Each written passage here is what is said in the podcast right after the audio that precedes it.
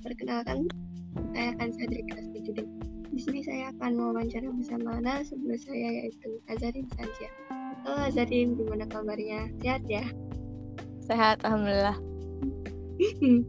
Baik, kita mulai wawancaranya. Dari pertanyaan pertama. Boleh tolong dijelaskan pengertian dari puisi rakyat?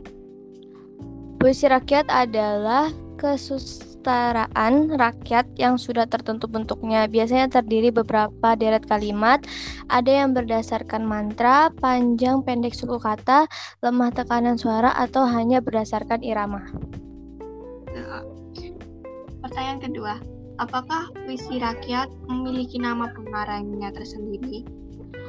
Menurut saya puisi um, puisi rakyat nggak memiliki nama pengarangnya tersendiri karena itu berdasarkan tersebarnya dari mulut ke mulut, jadi tidak ada nama spesifik untuk pengarangnya.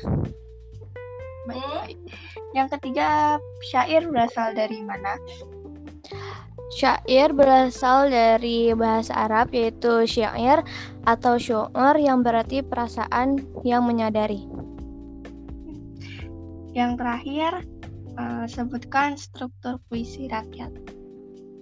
Secara umum, baik pantun, syair, dan gurinda memiliki struktur dan kaidah kebahasanya sendiri. Struktur dan kaidah bahasa inilah yang membedakan suatu teks dengan teks lainnya atau puisi rakyat dengan puisi baru atau teks lain. Baiklah, terima kasih atas waktunya. Kita akan kembali lagi di WhatsApp. Terima kasih. Wassalamualaikum warahmatullahi wabarakatuh. Sama-sama. Waalaikumsalam warahmatullahi wabarakatuh.